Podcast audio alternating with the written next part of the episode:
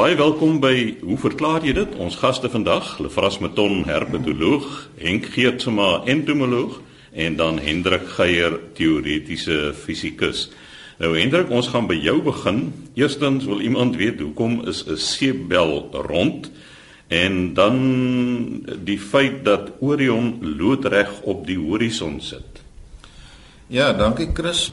Die persoon wat navraag doen oor die ronde seebel is Lana Pinaar van Port Elizabeth wat namens haar kleinseun skrywe en sy uh, stel die vraag as volg. Sy sê my kleinseun Magnus, 5 jaar, blaas borrels deur een van daardie stokkies met 'n vierkantige opening voor aan die punt van die stokkie. En nou vra hy, hoekom is dit so dat as die opening vierkantig is, die borrel dan nog steeds rond is? Nou Lana, ek hoop Magnus luister vanoggend saam met jou want ek wil vir hom sê ek is besonder beïndruk met sy waarnemingsvermoë en om vrae soos hierdie te stel. Dit is 'n baie interessante vraag en uh een met 'n paar kante sonder enige woordspeling daar geïmpliseer uh, waaroor 'n mens kan gesels. So kom ons vra net eers as 'n mens na 'n seepbel kyk, wat is dit wat jy daar sien? Ons almal bewus daarvan dat daar 'n dun filmpie van seepagtigheid is met lug aan die binnekant van die borrel, lug aan die buitekant van die borrel. En wat 'n mens oor daardie struktuur weet is dat die lugdruk binne in die borrel groter is as die lugdruk buitekant die borrel. Nou hoekom die borrel uiteindelik 'n stabiele grootte het, het daarmee te doen dat daar iets bestaan soos oppervlakspanning. En dit is die feit dat daar 'n balans is tussen die oppervlakspanning wat ons rofweg as 'n krag immer spanning of druk het te maak met krag of krag per lengte eenheid of krag per oppervlak eenheid hoe ook al daar's uiteindelik 'n balans tussen die lugdruk buite die borrel die lugdruk binne die borrel en hierdie sogenaamde oppervlakspanning Oppervlakspanning het daarmee te maak dat vir enige vloeistof dit so is dat die molekules aan die binnekant van die vloeistof kragte ondervind wat anders is as die wat op die oppervlak is, naamlik die wat binne-in is word deur hulle bure almal op dieselfde manier beïnvloed. Met ander woorde, die kragte werk in verskillende rigtings as 'n mens nou een van hierdie molekules geïsoleer het. En vir alle praktiese doeleindes kan 'n mens sê dryf so 'n molekuule in die binnekant van 'n vloeistof vry rond. Dis anders by die oppervlak want die oppervlakmolekules voel net die bure in die vloeistofdeel en natuurlik is dit 'n ander krag wat op hulle inwerk by daardie tussenfase waar hulle tipies aan 'n gas soos lug blootgestel is. En enige iemand wat nou al uh, mislukte duikslag in 'n swembad ervaar het wat 'n mens destyds 'n penskoot genoem het, sal weet dat hierdie verskynsel manifesteer om daardeur dat jy eintlik voel dat daar 'n uh, onsigbare membraan of noem dit nou maar 'n kombers as dit ware op die oppervlak van so vloeistof is. So dit is die oppervlakspanning waarvan ons praat. Nou vir 'n seepbel is dit so dat daardie dun filmpie inderdaad bestaan uit 'n dun waterlaagie en aan weerskante daarvan is daar uh, seepagtigheid. Uh, mens praat tipies hier van seep molekules wat 'n sogenaamde hidrofiliese en 'n hidrofobiese kant het Dink nou maar aan 'n balletjie met 'n stert en dit is so dat aan die waterkant sit die balletjie en weg van die water wys hierdie stertkant en dit is ook hoekom seep natuurlik effektief kan skoonmaak. Die een deel van daardie molekules klou tipies aan die water vas, die ander tipies aan die veiligheid en uiteindelik spoel jy die hele spul saam weg. Nou as 'n mens nou vra hoekom Waaraan kan 'n mens nou dink as jy wil verduidelik hoekom so 'n seepbel as jy nou eers vergeet van die oomblik waar hy gemaak is deur deur so 'n stokkie te blaas en ons kom net nou weer by die aard van daardie opening. Maar as jy nou net na die seepbel kyk, hoekom sou 'n mens nou kon redeneer dat hy rond moet wees? Wel, daar's twee maniere om daaraan te dink. Die eerste een het te maak met wat 'n mens noem 'n minimeer proses of om iets so klein as moontlik te maak onder gegee omstandighede. So om hierdie deel te verduidelik, dink aan 'n stuk klei wat nou enige vorm het. En mens vra die vraag as jy nou 'n stuk klei het en jy moet hom verder druk om verskillende forme aan te neem, watter een van daardie vorms sal die kleinste oppervlak hê? Nou, mens kan wiskundig bewys en deur probeer en tref kom 'n mens vinnig agter dat die antwoord op die vraag is dat jy moet die ding as 'n bolletjie rol. So vir 'n gegeewe volume of hoeveelheid klei is 'n ronde bal of 'n sfeer die geometriese vorm wat die kleinste oppervlak het. En dis belangrik as 'n mens oor 'n seepbel dink want dan kan 'n mens sê daardie spanning, die oppervlakspanning verteenwoordig ook energie of daar is energie daarmee geassosieer. En in die natuur kan 'n mens baie dinge verklaar deur daaraan te dink dat die stabiele situasie is een waarin die minimum energie, die minste energie ter sprake is. So as 'n mens vir 'n gegeewe seepbel die minste oppervlakspanning of minste energie wil hê, dan moet dit uiteindelik in 'n bolvorm wees. 'n Ander manier om tot dieselfde slotsom te kom is om eenvoudig te sê Daar's 'n verwantskap tussen die kromming, die mate waartoe die seepbel se oppervlak gebuig word en die druk binne-in. Nou as die druk binne in die bal of in die seepbel oral dieselfde is, moet die kromming ook oral dieselfde wees en 'n voorwerp wat so is dat sy kromming oral dieselfde is en 'n geslote oppervlak het, is weer eens 'n seepbel. So dit verduidelik vir ons waarom as die seepbel eers 'n lewe van sy eie gekry het, dit die fisika is wat bepaal dat hy uiteindelik rond gaan wees. Nou kan 'n mens wel vra, is daar ander vorm van seebelle moontlik en die interessante is dat 'n mens inderdaad iets soos 'n blokkie of 'n kubusvormige seebel kan maak. En ek hoop uh, Lana dat jy en Magnus toegang het tot die internet want wat ek agtergekom het is dat in die omgewing waar mense hulle videogrepe van enige iets onder die son oplaai, is daar talle videogrepe van seepbelkunstenaars wat vir jou wys wat hulle kan doen met borrelsblaas. En een van die voorbeelde wat gedemonstreer word is as jy 'n raamwerk van strooitjies of van draad vat wat in die vorm van 'n kubus gebuig is en jy doop dit in 'n seepoplossing, trek dit uit dan sit daar nou 'n filmpie seep aan elkeen van die ses kante van so 'n kubus. Nou wat hierdie mense demonstreer en in sommige gevalle is dit werklik merkwaardig hoe hulle 'n strootjie of 'n pipet kan gebruik wat self in 'n seepoplossing gedoop is. So as jy daai pipet of strootjie deur die wand van 'n seepbel druk en natuurlik het dit te maak met 'n spesifieke soort oplossing, dan bars die seepbel nie en kan jy as dit ware borrels binne in 'n borrel blaas. So as jy 'n borrel binne in hierdie kubusie inblaas tot die stadium waar hy aan al die kante raak, gebeur iets merkwaardig, naamlik dat die borrel in sy kontak met al die kante van die kubus as dit ware daardie kante intrek en waarmee jy dan uiteindelik sit is dat die oorspronklike borrel vervorm is tot iets wat lyk soos 'n kubus. So die stelling dat 'n seepbel 'n bolletjie moet wees is net waar as 'n mens na 'n enkele seepbel kyk wat ergens in die lug dryf, maar as daar ander kontakte is wat 'n mens maak of met voorwerpe soos hierdie raamwerk wat ek pas beskryf het of ander seepbelle, dan kan die situasie verander en dan kan 'n mens deur jou vermoë om borrels te beheer te verfyn sulke goed doen soos om 'n kubusvormige seepbel te blaas. En dan kan ek miskien net noem dat van die ander toertjies wat hierdie mense demonstreer het daarmee te maak dat hulle rook in hierdie seepbelletjies inblaas en uiteindelik selfs iets soos 'n malameule aan die gang kan sit van seepbelletjies wat aan mekaar geskakel is in 'n sirkelvormige konfigurasie binne in 'n ander borrel. Ek hoop julle kan hierdie goed nagaan en kyk, dit is werklik asemrowend. So Magnus, die feit dat jou seepbel rond is al het jy hom deur 'n vierkantige opening geblaas, het daarmee te maak dat as die seepbel eers sy eie lewe gekry het deur daar in die lug rond te sweef, dan is dit die kragte wat op die seepbel inwerk wat uiteindelik verduidelik hoekom hy rond moet wees. En ek hoop jy het verder pret met jou borrelblasery. Goed Chris, in 'n kort tydjie wat daar nog oor is, wil ek baie vinnig aandag gee aan 'n navraag wat ons van Dr. Johan Koets se hier van Stellenbosch gekry het.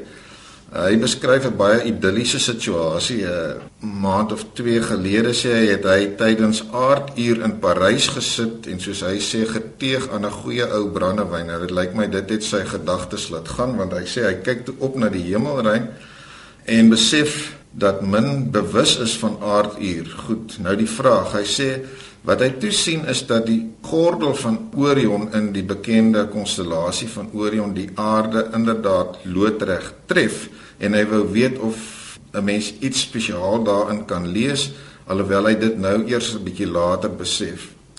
Nou die kort antwoord is uh Johan, daar is niks spesiaal daarin te lees nie want as jy al langer ure in die nag na dieselfde konstellasie gesit en tiere dan sal jy besef dat in 24 uur nou jy kan die konstellasie in die dag natuurlik sien nie met die blote oog nie, maar ten minste tydens die nagure sal jy sien dat daardie konstellasie lyk asof hy roteer en dit het natuurlik daarmee te maak dat die aarde roteer.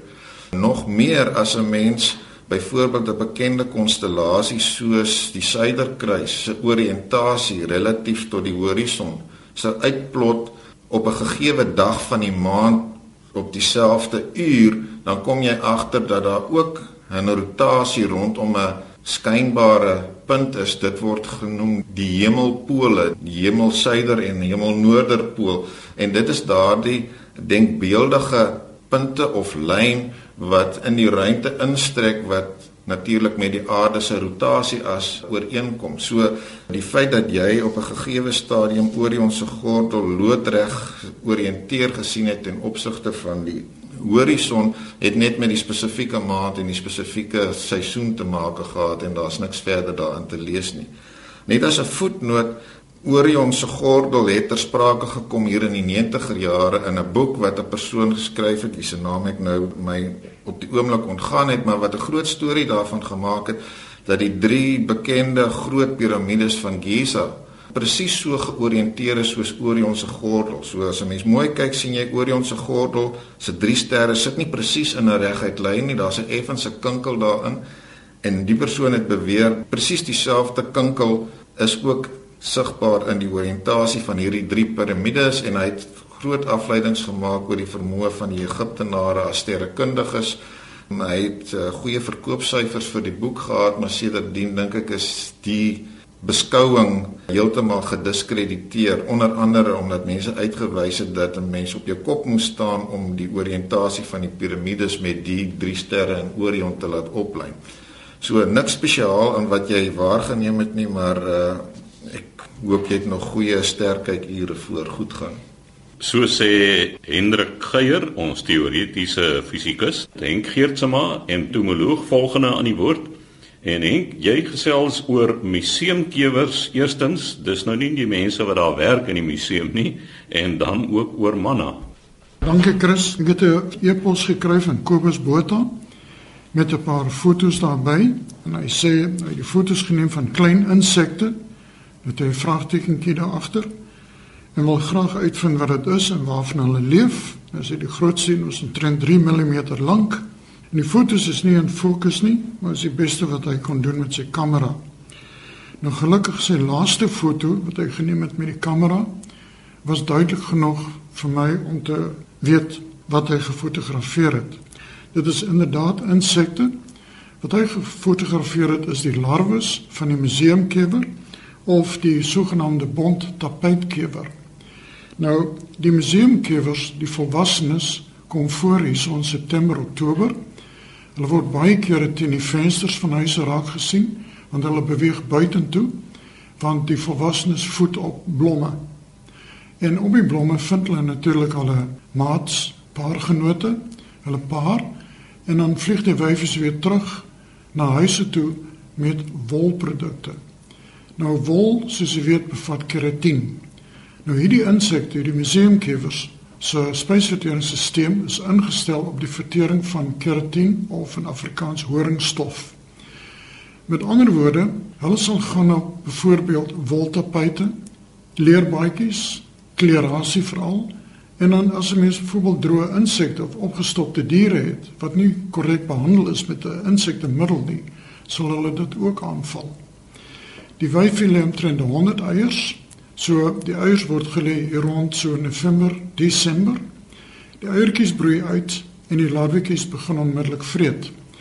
Nou die foto wat ek gewys het, die laaste een veral, toon aan dat as mens aan hierdie larwetjies raak, dan blom die agterend uit en vorm so 'n mooi pluimpie. En dit is baie kenmerkend van die museumkewers.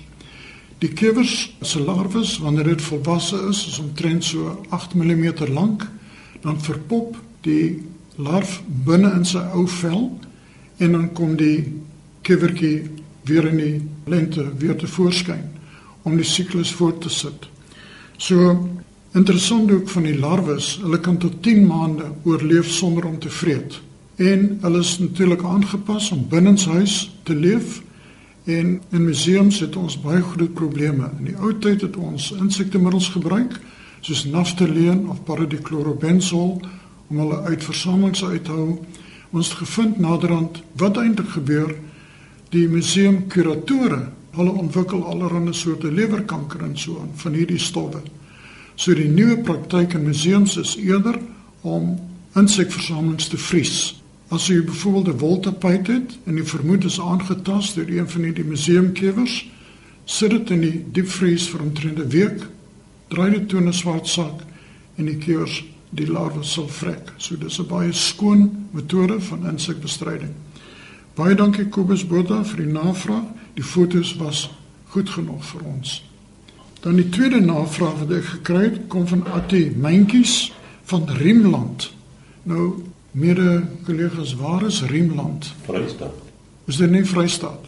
Goed. Sy skryf, sy het gereeld as 'n kind manna geëet wat van die bloekombome afkomstig was. Nou wil sy weet op watter soort bloekomboom was dit? Watter insek veroorsaak dit? Nou, ek het self get groot geword in Kroosdorp in Transvaal. Daar was 'n groot laning van hierdie bloekombome.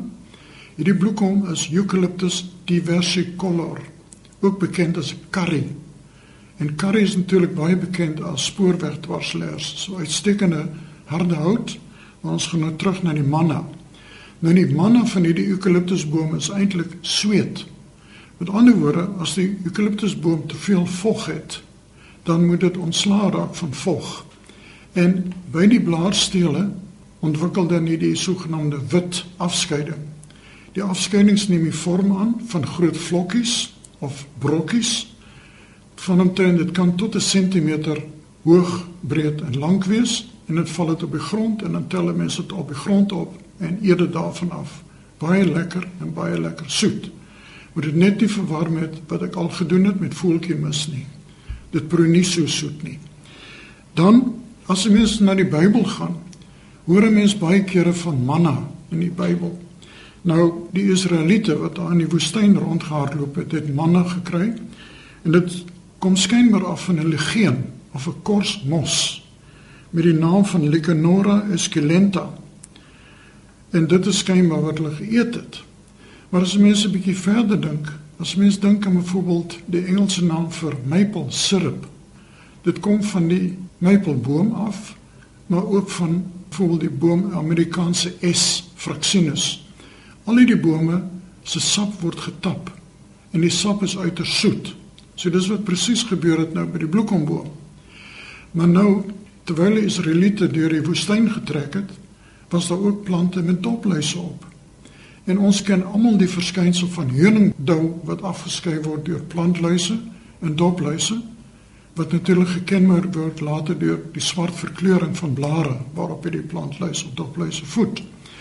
Nou hierdie suikeragtige uitskeiding van die dopluise word ook op woestynplante waargeneem en hierdie honingdou neem ook die vorm aan van 'n soort van 'n helderkleurige stroperige korrel. En dit is ook manna wat skynbaar ook deur die Israeliete genuttig is. So Atimentjies, baie interessante vraag, laat my terugdink aan my jeug en ek hoop die antwoord stel jou tevrede. So gesels Henk Geertsma, ons entomoloog, laas staan die woord Lefras Meton, herpetoloog. Lefras, die mens het blykbaar 'n reptielbrein. Dis nou nie iemand wat jy graag 'n slang wil noem nie. Chris, ja, ons het 'n navraag ontvang van Elena Gosen van Gasfontein in Pretoria. Sy sê ek wil graag van die geleerdes weet wat die reptielbrein is. Bestaan dit nog as oorblyfsel uit die oertyd? By mense en diere. Wat was of is die funksies daarvan? Nou mense kom uit die vraag agter ons verwys nou nie spesifiek na die brein van reptiele nie, maar dit is 'n kompartement of 'n afdeling wat vroeër daar by die mensbrein beskryf is. En dit het alles begin so hier in die 60er jare was daar 'n uh, Amerikaanse neurowetenskaplike Paul MacLean en hy het dan hierdie model voorgestel, die sogenaamde drieledige model van die brein, nie net die organisasie nie, maar ook wat die funksies betref en dan nou spesifiek handel dit nou hier oor die voorbrein. Ja, ek moet seker net sê dat ons weet almal dat die brein ingedeel word in 'n voorbrein, middelbrein en 'n agterbrein. Ons praat nou nie oor daardie drie dele of streke nie, maar ons praat nou oor die voorbrein. En binne die voorbrein is daar nou nog hierdie verdere drie dele. Nou die eerste deel het Paul dan nou beskryf as die reptielkompleks of die reptielbrein en die gedagte is dan nou dat dit nou vroeg in die evolusie was dit nou die primitiewe brein by werveldiere en met die verloop van evolusie is die volgende deel bygevoeg en dan nou later die derde deel bygevoeg. Nou hierdie reptielbrein of reptielkompleks dit bestaan nou uit basale ganglia of nuclea en dit is dan nou strukture wat so in die, in die vloer van die voorbrein voorkom en dit speel dan nou 'n rol baie spesifiek by baie basiese gedrag soos aggressie, dominansie, territorialiteit en hierdie tipiese of stereotipe gedrag. Net soos wat mens by voëls en reptiele baie keer kry duwe wat pronk agter die ander 'n bloukop koggemanne wat sit en sy kop op afmaak dit is tipiese primitiewe soort van gedrag wat dan nou hierso beskryf word so die reptielkompleks sou dan nou die eerste deel van die voorbrein gewees het lank gelede en dan die tweede deel is dan nou die wat hy hierso beskryf die paleo mammalian, ons noem dit nou maar paleo soogdier of paleo mammaliese kompleks. Dit staan ook bekend as die limbale stelsel of die limbiese stelsel en dit bestaan uit 'n hele klomp dele in die voorbrein. Ek wil nou nie op die name ingaan nie en volgens hierdie model sou dit nou met die ontstaan van die vroegste soogdiere sou hierdie komponente bygevoeg by die reptielbrein wat nou eers bestaan het bygevoeg gewees het en hierdie dele of kompartement van die brein speel dan 'n rol by motivering, emosie wat betrokke is by voeding, voortplantingsgedrag, ouersorg ensovoorts. So al hierdie aksies is dan nou meer gevorderd as wat by die reptielbrein nou die geval sou gewees het en dit sou dan nou met die ontwikkeling van soogdiere dan nou bygevoeg gewees het. En dan die laaste deel wat hy dan noem die new mammalian kompleks. Die new beteken mos nou die nuwe soogdier deel. Dit is dan nou met jou hoë soogdiere, jou primate onder andere dan nou die mens het dit nou bygekom en dit verwys nou spesifiek na die neokorteks. Nou ons sal weet dat die serebrale korteks, dit is daardie kom ons maar sê die dop of die buitenste deel wat die cerebrum bedek en deel daarvan is dan nou die neokorteks en dit speel dan nou 'n groot rol by die vermoë om taal te ontwikkel, om abstrakte denke, beplanning, indrukvorming, al die tipe gedrag en vermoëns wat ons by die hoë soogdiere kry. So vandag word hierdie model Met ander woorde dat ons nog vandag kan sê daardie deel is die primitiewe deel van die brein van die voorbrein wat nou van reptiele en voëls afkomstig is. En ander deel is met die begin van soogdiere en die laaste deel met jou latere soogdiere. Dit word as 'n totale oorvereenvoudiging van die werklikheid beskou. Dit is baie baie meer kompleks en ag daar is soveel bewyse nou met nuwe tegnieke en navorsing dat al hierdie dele soos wat byvoorbeeld by die reptielbrein geïdentifiseer is hierdie basale ganglia kom by visse en paddas ook voor. So dit is nie uniek tot reptiele nie die elemente van die limbiese stelsel kom ook by baie ander werveldiere voor, so dit is nie net by jou soogdiere nie en selfs die neokorteks, elemente van die neokorteks kom by baie ander diere voor. So om dit nog maar net kortliks op te som, dit is 'n totale oorvereenvoudiging. Daar's byvoorbeeld voels. Ons het nou al in vorige programme gepraat van African grey papegaai wat woorde wat hy nou aangeleer het kan kategoriseer en in konteks kan gebruik en dit bewys hulle is in staat tot dieselfde dinge wat die mens kan doen. En daar's ook voels wat kan 'n uh, stukkie gereedskap kan maak vir homself en dit ook dan kan aanwend om sê voedsel in die hande te kry. So hulle is ook in staat tot hoër denke. En dit is nie net hierdie hoër denke is nie beperk tot soogdiere en die hoë soogdiere. Dit kom ook by ander diergroepe voor. Ja, so ek hoop dit beantwoord die vraag dat daar is nie so iets of mens moet nie so daarna kyk dat die brein bestaan uit 'n ou primitiewe deel en dat daar nou met verloop van tyd meer gevorderde strukture bygevoeg is nie. So gesels Lefras Penton, ons herpetoloog, die tyd het ons ongelukkig ingehaal. Skuif gerus aan, hoe verklaar jy dit? Posbus 2551 Kaapstad 8000 of stuur 'n e-pos aan chris@rsg.co.za.